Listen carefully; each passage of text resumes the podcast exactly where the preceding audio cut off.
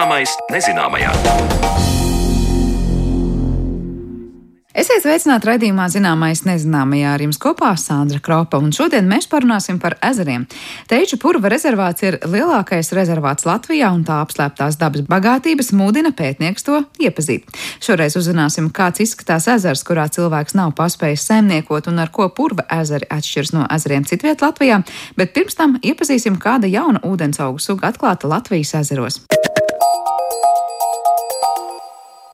Šī gada augustā uz Latvijas un Lietuvas robežas hidrobioloģa botāniķe Laura Grīnberga atklājusi jaunu ūdens augu sugu Latvijā.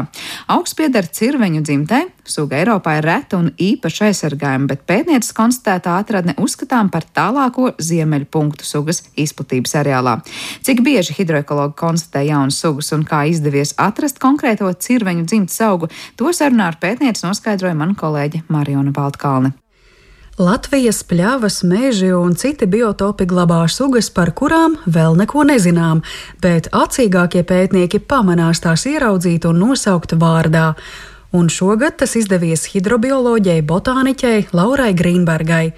Apsekojot ezerus uz Latvijas un Lietuvas robežas, viņa atklājusi jaunu ūdensaugu sugu Latvijā ar apzīmējumu latīņu valodā Kaldēzija parnasifolija, un sarunā ar pētnieci pieturamies pie apzīmējuma Kaldēzija. Bet interesanti, ka Kaldēzija ir relikta suga, tātad arī Latvijas teritorijā tā ir augusi pirms daudziem tūkstošiem gadu, un to pierāda seni nogulumi. Laurai Grīnbergai vispirms vaicāju, cik bieži izdodas konstatēt tieši jaunas ūdensaugu sugas. Tas tiešām gadās reti. Pirmkārt, Latvijā nav sastopams ļoti daudz ūdensaugu sugas. Nu, piemēram, sēņu mums ir ļoti daudz, un sēnes atklāt ir daudz, daudz lielāka iespējamība. Un tā ir arī samērā labi izpētīta grupa. Un tad, jā, man liekas, ka smalkā najāda ir bijis pēdējais, kas ir konstatēts, kas arī ļoti rets relikts augsts. Tā kā pirms jūsu veikuma ir bijusi tāda laba jā, laika distance. Jā, ja? botāniņš Sūvis Suško ir mm -hmm. darbojies ar smalko najādu. Tad jautājums, kā jūs pie tā nonācāt, kā tas izdevās, jo pētnieks, ejot pa pļavu, varbūt vieglāk pamana kaut ko līdz šim neredzētu, vai arī uz kokiem pamana kaut kādu ķērpju sugu, bet ūdenī, nu tā ikdienā jau nebrien vai ne? Kā ūdenī var pamanīt jaunas sugas? Ūdenī droši vien var pamanīt vairākos veidos, nu, piemēram, atpūšoties un laivojot vai makšķerējot. Bet nu, es šo sugu atradu veicot ezeru pētījumus. Pašlaik Latvijas Universitātes Bioloģijas institūts piedalās Latvijas-Lietuvas pārobežu projektā Transvat, kurā mēs pētām piecus ezerus, kur atrodas tieši uz Latvijas-Lietuvas robežas. Un braucam uz šiem ezeriem vairāk kārt gada laikā. Un augustā tā bija otrā reize, kad braucām un patiešām nu, salīdzinoši smalki pētījām ezerus.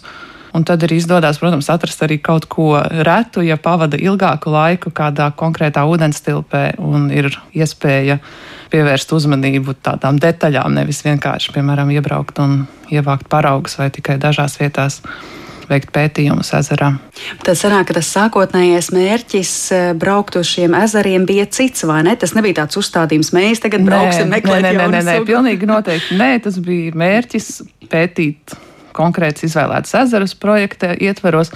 Bet nu, kopumā jau šie ezeri atrodas Latvijas tādā vietā, kur ir vislielākās izredzes atklāt kaut ko jaunu, jo tas ir pats dienvidu gals, Un arī sauszemes sugas, man liekas, visbiežāk jaunas atrodas tieši kaut kur ap Daugaupīlī, jo tas ir, kur klimats tomēr mazliet atšķirās, ir siltāks.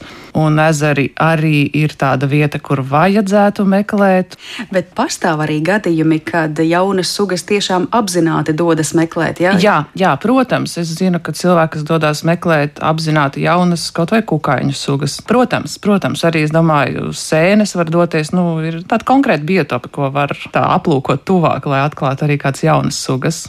Lielais varonis Kaldēzija parnasifolija. Latviskais nosaukums vēl nav Kaldēzija. Kaldēzija, nu tā visticamāk būs Kaldēzija, bet nu pagaidām tas vēl nav nolemts, tas nenotiek tik ātri. Lasu, ka cirveņu dzimtas suga, ja mēs runājam tādā dzimtas līmenī Latvijā, mums jau kaut kas līdz šim ir bijis sastopams?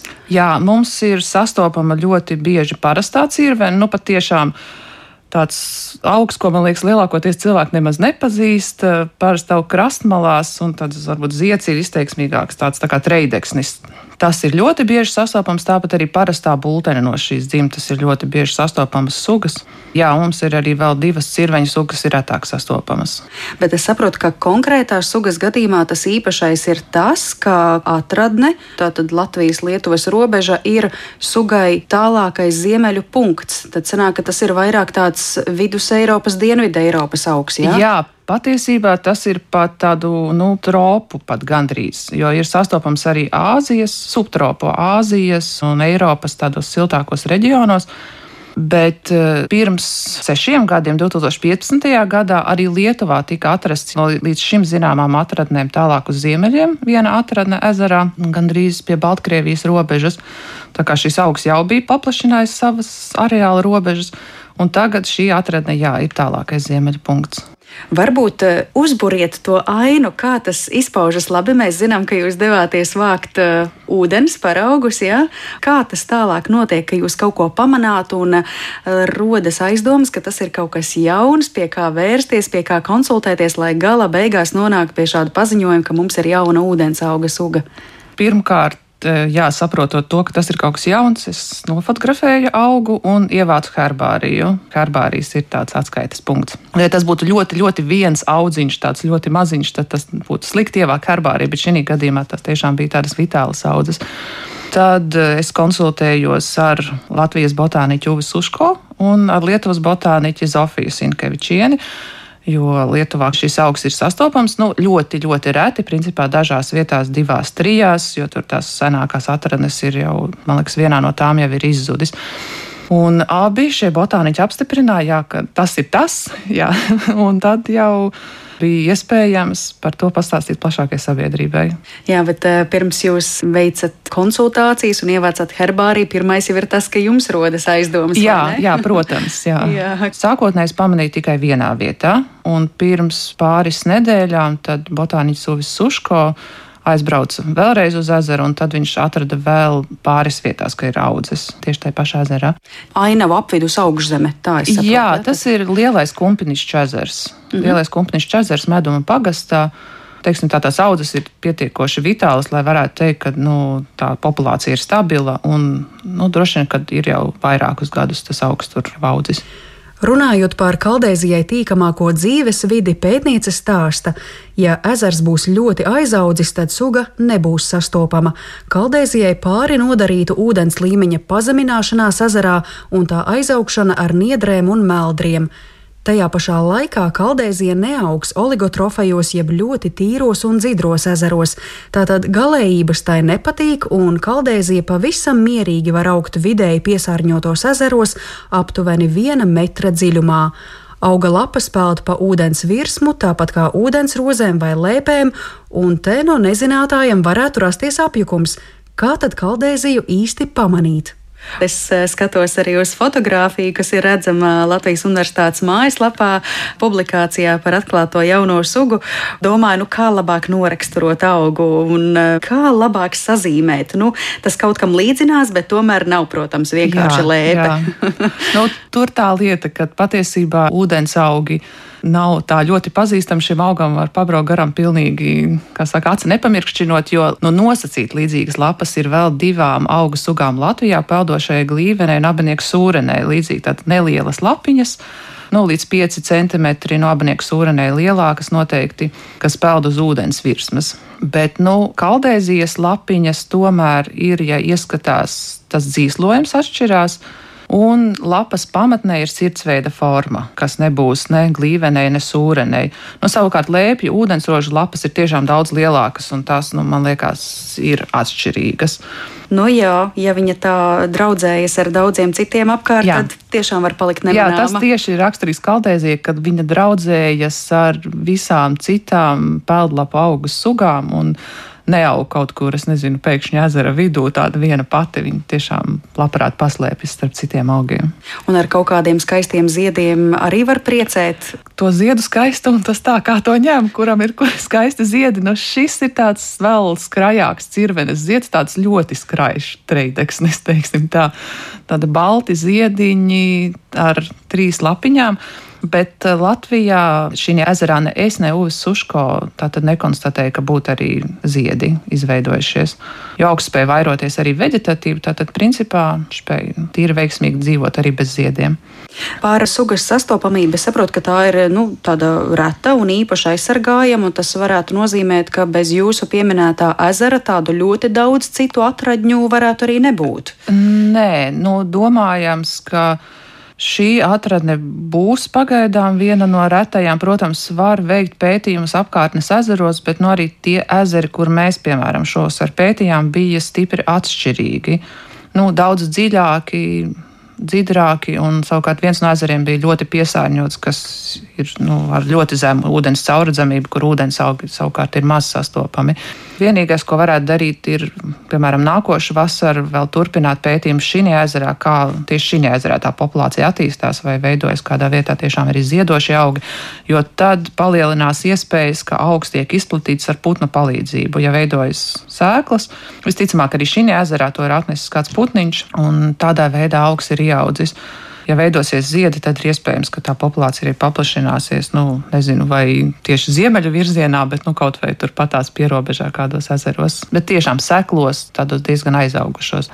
Suga ir iekļauta. Bērnes konvencijā un biotopu direktīvā, tad īpaši aizsargājamo sugu sarakstos abos. Bet, nu, protams, veiksme šī gadījumā ir tā, ka ezers jau atrodas īpaši aizsargājumā dabas teritorijā. Tas nozīmē, ka pašlaik nekādas regulējuma izmaiņas vai tam līdzīgi tas nav nepieciešams. Ezers atrastos vienkārši kaut kur ārpus kādas aizsargājamas dabas teritorijas, tad būtu varbūt nepieciešams tieši šo ezeru veidot kā aizsargājumu teritoriju. Tā mums arī ir vairāk ezeru, piemēram, Umja ezers, kas ir īpaši aizsargājuma teritorija, vai citi. Bet šī gadījumā nu, suga nav ļoti, ļoti trausla. Tas nav kaut kas tāds, kas ir pakļauts eitrofikācijai vai tam līdzīgi. Tad arī nekādi apsaimniekošanas pasākumi, nu, es domāju, ka nav nepieciešami. Es visbeidzot vēl gribēju jautāt par šo te vārda došanu. Cik sarežģīti vai viegli tas ir? Tagad mēs lietojam senāk vairāk ģins nosaukumu, ja kaldēzija. Jā, jā, mēs lietojam. Mhm. Cik garš ir tas process, līdz mēs nonākam līdz tam apzīmējumam sugai? Nu, patiesībā es par to pašlaik vairs ļoti nesatraucos jo to pārņems tagad Latvijas botāniķu piedarībā, bet nu, latviskā nosaukuma došana ir saistīta lielākoties ar to, ka izmantot tā kā tulko no latīņu valodas, kas ir latīņu valodas izcelsmes, tas otrs vārdiņš, tādā veidā pārnesot, ja tas ir veiksmīgi. Protams, ir gadījumi, kad arī nu, neizmanto tieši tulkojumu, bet varbūt kaut ko, kas ir piemērotāks. Nu, lietuvieši ir izvēlējušies nosaukt par sirdslapu kaldēziju, Latvijas botāniķu biedrības priekšsēdētājs ieteica attāliņa lapu kaldēziju, jo tas atbilst tam parnasifolija. Bet nu, nekāds lēmums vēl nav pieņemts. Tad, kad būs, tad jau, protams, jā, vēl gaidīsim. Tad vēl to gaidīsim. Jā. Mm. Lauras Grīnbergas un viņas kolēģu ekspedīcijas vēl turpināsies. Turklāt tajās tiks pētīti nevien ūdens augi, bet, piemēram, arī ūdens bezmugurkalnieki. Pētījuma rezultāti būs zināmi nākamajā gadā, un iespējams tie atklās vēl kādu jaunu informāciju par sugām. Par Latvijas ezeros jaunatklāto cirveņu dzimtas augu stāstīja hidrobioloģija botāniķe Laura Grīnberga, ar kuru tikās Mariona Baltkalna. Bet raidījuma turpinājumā iepazīsim neparastos purvu ezerus un dzīvību, kas tajos mīt.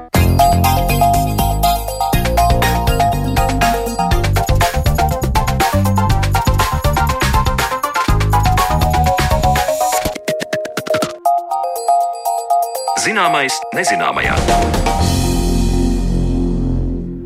Arī purvus, tāpat kā citas ekosistēmas Latvijas dabā, cilvēks izmanto savām saimnieciskajām vajadzībām. Taču ir purvi, kuros cilvēku klātbūtne ir bijusi pietiekoši reta, lai varētu teikt, šī ir neskarta vide. Teiču purvs ir viena no šādām teritorijām, un tā ezerus vairāk ir pētījis mūsu šīs dienas viesis - Latvijas Hidrokoloģijas institūta pētnieks un bioloģijas zinātņu doktors Matīs Žagars. Sveiks, Matīs, un prieks tevi redzēt studijā. Varbūt izstāsti pirms, ko tu esi pētījis un cik tālu tu esi pētījis pētījumā tieši teiču purvā. Nu, Ziniet, kā jā, jāsāk ar to, ka tagad, uh, tagad tā ir apkārt astoņi mēneši, kopš es uzsāku savu attiecīgi Eiropas finansētu pēcdoktorantūras uh, projektu Hidroekoloģijas institūtā. Mm, tas viss sākās droši vien vienkārši ar tādu apsēstību, kas man ir vajājusi jau ilgus gadus par to, uh, ka man, nu, tīri personīgā līmenī patīk vismaz reizes gadā aizbraukt uz vietām, uz ūdeņiem, kas ir pilnīgi neskarti, lai atpūstos no cilvēka un cilvēka klātbūtnes, kuru es redzu jau ar savu visai pieredzējušo aci, jau pieejot pie ezera. Nu, kad man jau atkal cilvēks, cilvēks, cilvēks visās malās, cilvēks vairāk nekā zivju. Un tad vienkārši, nu, tu jau skatoties, karti pētot, nu, tā kā redzi, nu, lūk, šī te teču rezervāta tā teritorija, tur ir uh, 11 ezeri, nu, kā kurš uzskata, kurš no viņiem ir un nav ezers. Uh, kaut kādi 17 līdz 19 viņi tur ir, un, un es vienmēr esmu sapņojis par šādas vietas pētīt, un es tādās esmu bijis šur un tur pasaulē, un runājot ar, ar DAP inspektoriem un ar, ar, ar cilvēkiem, ko es tur pazīstu, jā, nu tas iespējas radās, ka tur ir bijuši, ka ir šāda te, ka tie ezeri tiešām ir neskarti. Un no turienes radās tā, nu tā ideja radās no vienkārši tādas vēlmes izzināt, un, uh, Bet, bet tas, tas, kas ir noformulēts kā šī pētnieciskā ideja, ir, kad, um, ka mēs šos tēzerus izmantojam kā tādu atskaites, jeb nulles punktu, lai saprastu, pret ko salīdzināt ezerus, kuriem mēs esam nodarījuši pāri. Tas nāk, šie tiek pieņemti kā pavisam tīri un neskarti. Nē, nu, zin kā nekas jau, ja mēs paņemam tagad klimata pārmaiņas ietekmē visu, neatkarīgi no tā, cik tālu esi no kaut kādas civilizācijas. Ja to mēs varētu saukt par fona ietekmi, uh, kura būs jebkurai ekosistēmai, vai viņa ir ūdens vai sauszemes, un lai cik viņa būtu neskarta. Un tad otrs ir tas, ka mēs jau tomēr nerunājam par Kanādu vai par Krieviju vai par Amazonas džungļiem. Mēs runājam par vienu mazu valstiņu, kurā ir viens pleķītis, kurš ir neskarts. Līdz ar to nu, tagad jau arī pastrādājot, tur kādu laiku skaidrs, ka tur vietējie iet dzērvenēs uz dažiem no tiem ezeriem. Skaidrs, ka tur ir kaut kādas takas, skaidrs, ka pie kādiem no viņiem es tur atrodu kādu plastmasas pudeli Bet relatīvi raugoties, es teiktu, skalā, nu, deviņas, desmit bāļu skalā viņi ir pat dažs pat ir starp 9 un 10 tādā neskartības ziņā. Tā kā jā, īsā atbilde, jā, viņi ir neskarti. Lai par to, cik daudz tur var vai nevar iet, es saprotu, teiču pūrs ir tā vieta, kurā nu bez īsti dabas aizsardzības pārvaldes kāda no cilvēkiem vai inspektori mēs nedrīkst. Nu, tu nedrīkst bez atļaujas iet pētnieciskos nolūkos, nu kā tas ir, tas ir dabas. Uh, rezervāts, liegums pēc būtības, kur tu nedrīkst vispār rādīties. Tā ir visstingrākā tāda režīma. Tur ir skaidri un gaiši rakstīts, ienākt aizliegts, teritoriju apmeklēt aizliegts. Un tas nemaina to, ka vēsturiski cilvēki pie tās teritorijas ir dzīvojuši. Ja? Rezervāts tika izveidots, ja nekļūdos, 80. gados. Cilvēki tur ir vienmēr dzīvojuši, vienmēr ir dzērvenēs gājuši, un saprotu, nevienas tur pie rokas neesmu noķēris, bet skaidrs, ka es esmu redzējis, ka cilvēki lasa dzērvenes un arī nu, Tur jau neviens nespēja viņus visus iztrankāt. Jā, un liktos, nu, neskarties ezers, un tomēr tu pat, pat plasmas pudeli tur nosauc. Liekas, kā nu, vispār ret. noteikt, ka tas ezers ir cilvēka neskarts? Tu saki, to ar pieredzējušu acis, to var noteikt uzreiz. Kas ir tās pazīmes? Es ar pieredzējušu acis varu noteikt, ka viņš ir skarts. Ja? Ja, ja viņš ir neskarts, to jau mēs redzam geogrāfiski. Neskarta dabu jau vislabāk neskartu noturpa nepieejamība nekas nevar būt uh, labāks dabas aizsardzības mehānisms, teiksim, šāda veida ekosistēmām, kā vienkārši nepieejamība. Ja tu aizbrauc, tā, ko es minēju, uz to pašu Kanādu vai tepat tās uz Zviedrijas ziemeļiem, ieej kaut kur kalnos, nu neviens tur vienkārši neiet. Tur nav ne ceļa, nekā cilvēkiem ir baigies diskomforts tur iet, un tas viņu padara neskartu. Vienkārši, un tad mēs runājam par to, ka fiziskie cilvēki tur nav, tad viņi ir cilvēka darbības tiešā veidā neskarti. Tieši tik vienkārši tas ir. Un šeit jau pirmais darbiņš, ko es izdarīju, un kas bija baigi interesanti, ka es tepat tās apzināju visus, ap, aprunājos ar visiem mūsu vietējiem limnologiem, vecās paudzes, kur kaut kas ir vai nav darīts tajos teču puru ezeros, lai saprastu, nu, kā tā leģenda, kas ir manā galvā par šiem brīnumu neskartajiem ezeriem, sakrīt ar īstenību. Un tur ir viens pētījums bijis 90. gadu beigās, 2000. gadu sākumā. Un, un, un, un tā pētījuma rezultāti arī rādīja, nu, kad, kad tie iniciāli rezultāti rāda, ka jā, nu, ekosistēmas atbilst šādam cilvēku neietekmētu ekosistēmu raksturlielumiem. Un tad tie raksturlielumi ir daudz, uh, Bet tie, uz kuriem man ir visinteresantāk raudzīties, ir eh, sistēmas funkcionēšanas efektivitāte, kas man liekas izklausās pēc kaut kāda sarežģīta roka grupas. Bet droši vien parāda par to, ir tas parāda to, cik kā, tas ir kā vesels cilvēks, kuram katrs muskulīts, katra tā viet, vietiņa un dzīsliņa tavā organismā funkcionē tā kā vajag. Nu, ja es pieliecos, tad es neievaidos. Ja, ja es noskrienu 100 metrus, tad es aizelšos tik, cik vajag. Tieši tik vienkārši tas ir arī ar šiem ezeriem, un tur ir dažādi parametri, kā mēs to mēram, bet viena no lietām ir, ko mēs arī tepatās ar tevi esam runājuši par to eitrofikāciju, ja, kad mēs gāžam šīs papildus barības vielas iekšā ūdeņos. te. Tā ir tā mana hipotēze, un tas ir tas, ko rāda arī tie citi saujiņa neko, neskartu ezeru pētījumiem, kad uh, tiek ļoti efektīvi izmantot pieejamais nelielais barības vielu daudzums. Ne? Viņš viss aiziet par īņķi, viss tiek iesaistīts sistēmā, un tas ir arī tas, ko mēs redzam pēc tiem pirmiem rezultātiem. Tas ir aizkustinoši skatīties, ka kaut kas var būt tik efektīvs. Ja? Proti, tu paskatoties uz ūdeni, noteikti redzēsi, ka tur nav nekādas eitrifikācijas, aizaugšanas, ziedēšanas pazīmes, ja? bet tu paskatoties ūdens paraugā, sapratīsi, ka tur viss tiek. Nē, nu tā jau tikai izmantots. paskatoties ar aci, tas jau tā, es tur tādas muļķībiņas bišķi runāju, nu tas ir vairāk tā, ja tu aizbrauc uz kaut ļoti urbānu ezeru, nu tu jau skaidri redzi visas tās cilvēku ietekmes, nu viņš tur, nezinu, jau organoleptiski ož, vai tur, tur ir viss pilns ar, ar, ar mašīnas eļļām, mēs tad, protams, vulgarizēju šobrīd.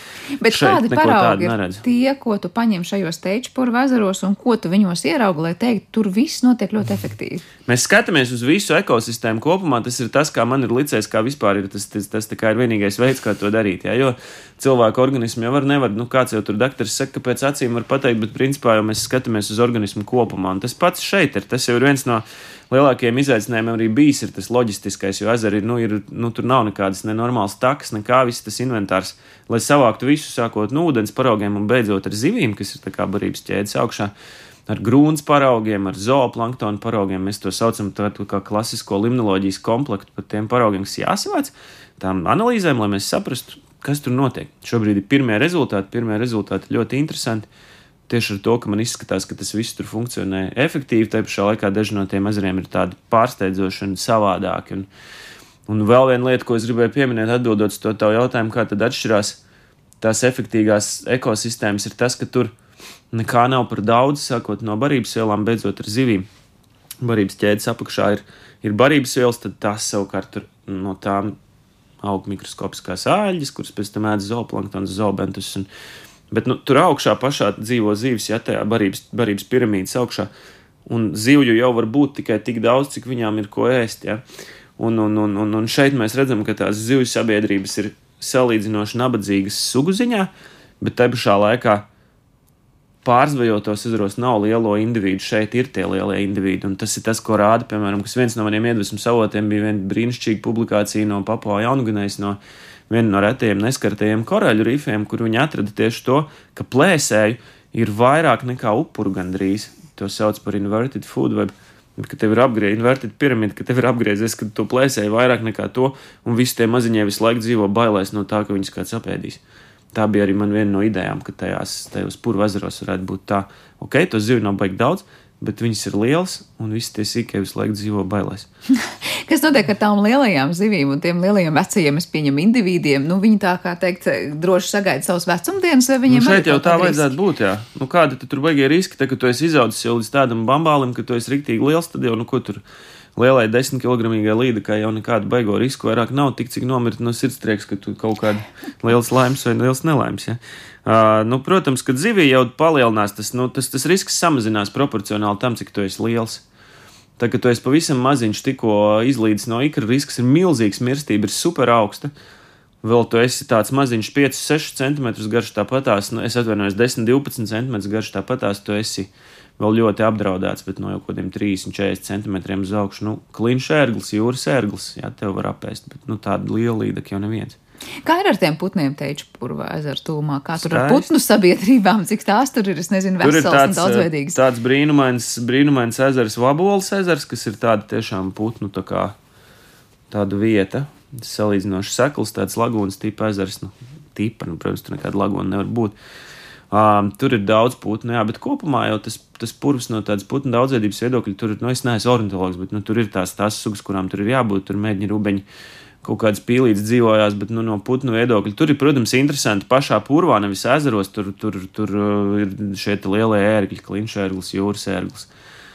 Tie es ne, nezinu, nedrīkst zināt, ne, kur viņi tur liksdo vai neliksdo. Tas jau viss ir tā teikt, slepena informācija, ja, bet nu, tie dzīvnieki tur ir. Bet tu teici, tu skatījies šo te mm, pašu purvu vai pušu, pa, pašu ezeru kā kopīgi? Tikai ezerus, Tikai ezeru jā. kā ekosistēmu. Bet nu, viņus jau nevar atraut no purva. Purvs milzīgi ietekmē tos ezerus. Kādā veidā tas notiek un kādā veidā jūsu komandā varbūt nāk klāt kaut kāda tā kā citu jomu pētnieki, kas var palīdzēt vairāk kaut ko, nu, es nezinu, par putniem. Nu, Ziniet, kā es sāku ar, sāku ar to, kad es sazvanījos ar mūsu geologiem, ar Normūnu Stīvriņu. Un relū ģeologiem, kas vispār kādreiz to teču puru pētījuši, man gribējās no nulles saprast, kā tas zvērs ir radies, pirms cik daudziem gadsimtiem viņš ir radies, cik ir bieza kūdras kārta un tam līdzīgi, un kā vispār rodās šie ezeri. Tas jau arī interesanti. Tu tagad vakar mēs bijām tieši, tu ejā trīs km pa purvu, un tad pēkšņi purva vidū tev ir ezers, nekurienē kaut kādā, un tie purvi veidojās, tie ezeri veidojās viņam tam purvam plīstot. Purvs ir ģeoloģiski tāds ļoti dzīves, viņš visu laiku aug, tas augstais purvs,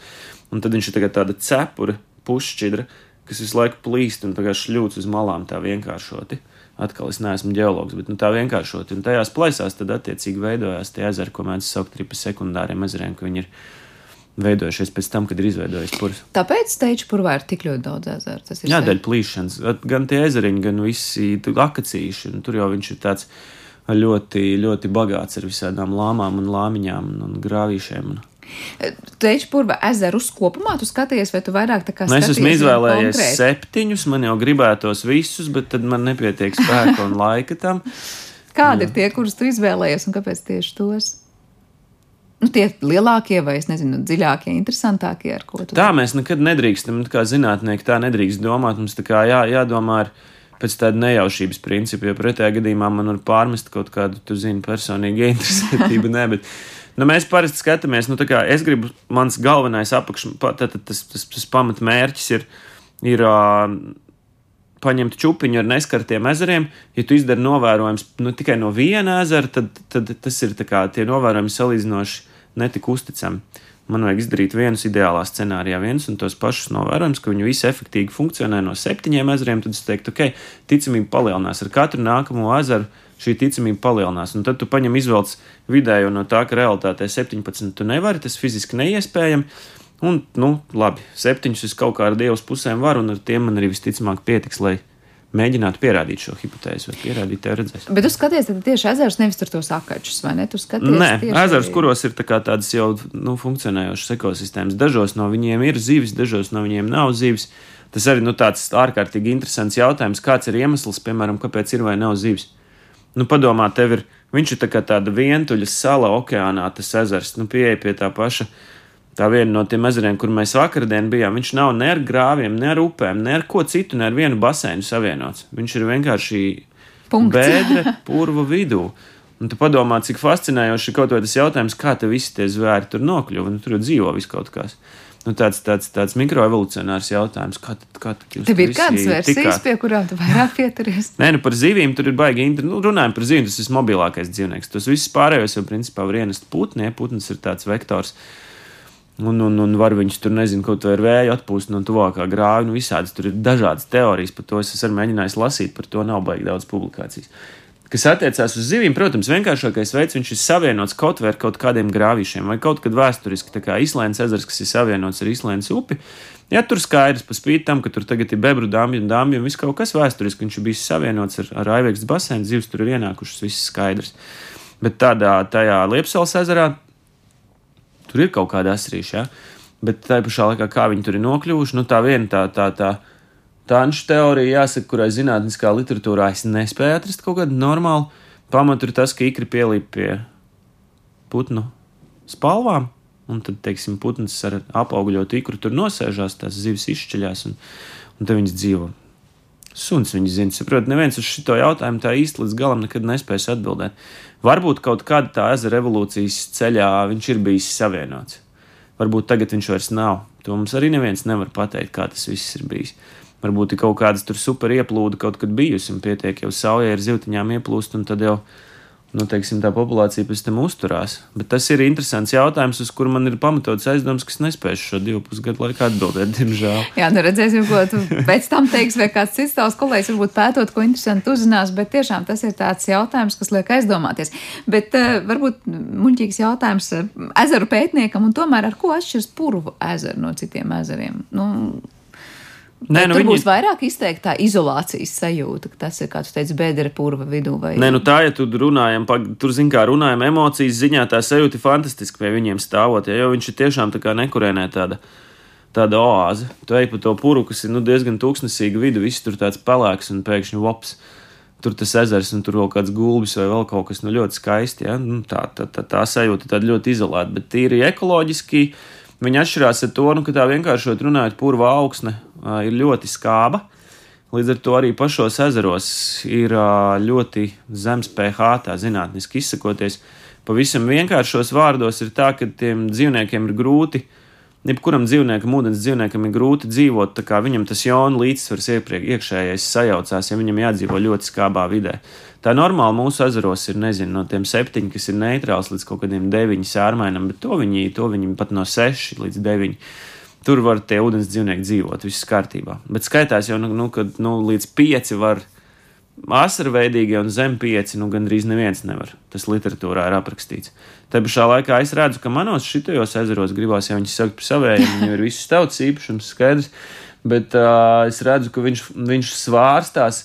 Tagad jau nu, visu šo mēnešu laikā, ko es tur esmu staigājis, viņš pat svārstās no, no tik zemām vērtībām kā 4 līdz tik augstām kā 7. 4, ja mēs teorētiski sakam, dzīvība nevar būt šī zivju dzīvība, bet ir atkal vēl viens jautājums, kāpēc un kā? Nu, redz, kādu nu, droši vien, ka viņš kaut kādos brīžos, tad tā mana sajūta ir vakar, kad es biju PH, visur bija diezgan zems un bija bijušas gan lietavas un, un ieplūdes no purva, un tā kā no purva tas lietus ūdens sanes iekšā vairāk no paša purva. Šo skābo ūdeni, tad droši vien tas pH pazeminās. Un tajā brīdī, nu, kaut kādu to periodu jau tās zivs var izturēt. Viņām jau būtu svarīgākais, lai tajā mirklī, kad viņas ir iznārstojušas, ikri ir vistrauslākie, lai tajā brīdī nav beigas zemes pH. Tu tagad stāsti par šo pH līmeni, tāpat arī pirms tam daudz ko teici, kas var salīdzināt ar cilvēka nu, nezinu, veselības stāvokļa noteikšanu. Man prātā nāk, pēc kādiem rādītājiem nu, var salīdzināt, ja tu skaties ekosistēmu, nu, tā kā mēs tagad teiktu, nomērt tur asinsspiedienu, temperatūru un vēl kaut ko cilvēkam. Mm. Es nezinu, varbūt mediķi teikt, ka vēl kāds noteikti rādītājs, kas mums pateikt daudz ko priekšā vai tāds kā, nezinu, vispārējais asins analīzes, kas būtu dabā. Tas būtu tas pH līmenis, temperatūra, vēl kāds. Jā, sastāvs. mēs jau zinām, kā runājam par to, par vidi, kurā tie dzīvnieki visi dzīvo. Tas ir tas ezers, un tad mēs mēram viņam to pašu skābekli. Ir vai nav skābeklis, kurā dziļumā tas skābeklis beidzās. Kāda ir ūdenī temperatūra, tas pH šī gadījumā ir kritisks. Ja, nu, tas, tas, ja viņš ir super zems, kā tas mēdz būt kaut kādās pavisam mazās lāmiņās, nu, tad, tad, tad, protams, kad ir grūti tai dzīvībai tur dzīvot. Un tad jau nu, tālāk barības vielu pieejamība, protams, jebkura tā barības piramīda, jeb, jeb barības tīkls, viņam pašā pamatā ir tās barības vielas, kas ir šis slāpeklis un fosfors, kas ir nepieciešams, lai augi, nu, lai, teiksim, gan augi, augi tur ir ļoti maz, augiem nepatīk tas skābais ūdens, tur pamatā ir šīs mikroskopiskās āļas. Viņām vajag slāpekli un fosforu. Viņām vajag, nu, tas ir galvenais, mm -hmm. jau viņām vajag, lai būtu puslīdz silts, lai būtu saule. Un tad jautājums, kur mēs dabūjam to slāpekli fosforu, parasti viņš nāk no augstnes, ieplūst ar upēm vai, vai ieskalojās. Un te, nu, purvs kopumā tradicionāli mēs uzskatām diezgan nabadzīga vide. Un plus tur uh, tie savienojumi, kas ir tie humīna skābes un citi humi, citas humīna vielas, viņas, nu, īsi sakot, ir grūti lietot tiem prim, primārajiem producentiem, šīm te aļģītēm, tāpēc, ka viņam, viņam tā ķīmiskā struktūra tāda, ka viņi nevar lietot. Nu, tā kā līdz ar to viņi ir barības vielām nabadzīgi. Tā ka šeit vajadzētu būt arī tā, ka barības vielas ierobežo. Bet klausoties tevī, tiešām liekas, visi tādi bioķīmiskie procesi, kas notiek cilvēku tur šūnās un, un organismā, Līdzīgi, nu, tādās līdzībās runājot, varam attiecināt arī uz, mm. piemēram, ezeru sistēmām. Nu, tad uh, ir rēķina, ka tev var ienest, nu, kas ir baigi interesanti, ka tev var ienest tās barības vielas. Nu, mēs atceramies, viens ir pats purus, bet otrs ir pūtni, baigi interesants vektors. Ja, ja putns atlido, viņš ir paēdis Lubānu klānos, tur garšīgs gliemežs, atnāk un izkakājās tajā manā ezerā, un viņš atnes barības vielas. Jā, un pēc tam viss ķēdīt atkal sāk Jā, tā ķēdīt un... saka, jipī, jē, laižam. Bišķiņ līdzīgi atklātajam okeānam, ja? tas, tas, nu. Bet, redz, ja būtu tā ezera krastos vairāk cilvēku ar savu darbību, un tur iepludinātu nedaudz vairāk klāt visādas barības vielas, kuras ir par daudz, tad visa šī sistēma nobruktu vai ne un sāktu Vienā strādāt brīdī, nedaudz. Katrai sistēmai ir amortizācija. Tas ir tāpatās, ka tad, kad nu, atkal jau mēs laižam par tām analoģijām, bet tā forši var saprast, nu, ja es izēdu vienu čipšu paku vakarā, nu, ok, viss kārtībā, bet ja es ēdīšu tur trīs gadus čipšus, tad būs slikti. Tas pats jau šeit ir. Un to jau mēs redzam ar tiem pašiem ezeriem, kas Latvijā ir citi ezeri, kas ir tīri ok stāvoklī, pa spīti tam, ka viņi ir cilvēku tūmā. Bet tas ir cits jautājums. Bet kā kopumā, nu tagad es diezgan daudz uz ezeriem skaties Latvijā, mm. gan teču purvā, gan ārpus. Mums pārsvarā būtu slikta kvalitāte Latvijas ezeriem, vai mums var teikt daudz, pietiekoši daudz var atrast tādus, nu, var atrast, var atrast. Atkarīgs ar ko tu salīdzini. Zini, kā es Un tagad biju- ar jā. salīdzinām, ar teiču purvu ja salīdzinām, tad, protams, ka tas nav salīdzināms. Ja? Mēs esam gadiem ilgi antropogēni ietekmējuši un ietekmējuši visas tās ekosistēmas. Tu neko nevari darīt. Nu, mēs gribam būt tik daudz, mēs gribam, gribam dzīvot ilgi un gribam vairoties. Nu, nekas, nu, mēs par to maksājam. Mēs jau taču, nu, tā, tu zini, kā tas jau beigās mēs nonākam pie kaut kādiem vairāk filozofiskiem konceptiem par to, ka tāda nu, dabas aizsardzība vai tā neskartā daba jau vajadzīga ir mums pašiem, ne jau tai dabai kā tādai. Nu, līdz ar to, nu, ko tur, nu, ja mēs tādā vidē gribam, mēs dzīvo, gribam dzīvot tādā menedžētā, sakārtotā dabā. Nu, tādi, tādi kā Lūksnes ezers, viņš ir menedžēts, sakārtots ezers, bet teikt, ka viņš ir dabisks, nu nē. Protams, ka nē. Eh, Šīm eh, purvam ir daudzas arī salas, kas ir izpelnījušās eh, gan. vien. Jā, tieši tā. Es domāju, vai arī tevi kā pētnieku šīs salas kaut kādā veidā interesē, vai, tu, ja mēs runājam par purvu ezeriem, tās nav tieši šajos ezeros. Es ne, Nē, nu kas- nezināšu, teicu purvu Nu, ģeogrāfiju. viņiem jau ir tā ģeoloģija tāda, nu, ka tie nu, sīkseli jau ir tāda vienīgā, ko patiešām sauc par salu. Tā viņi vēl fascinējoši. Nu, man cilvēki arī interesē, ja? nu, mazos daudzumos, bet interesē.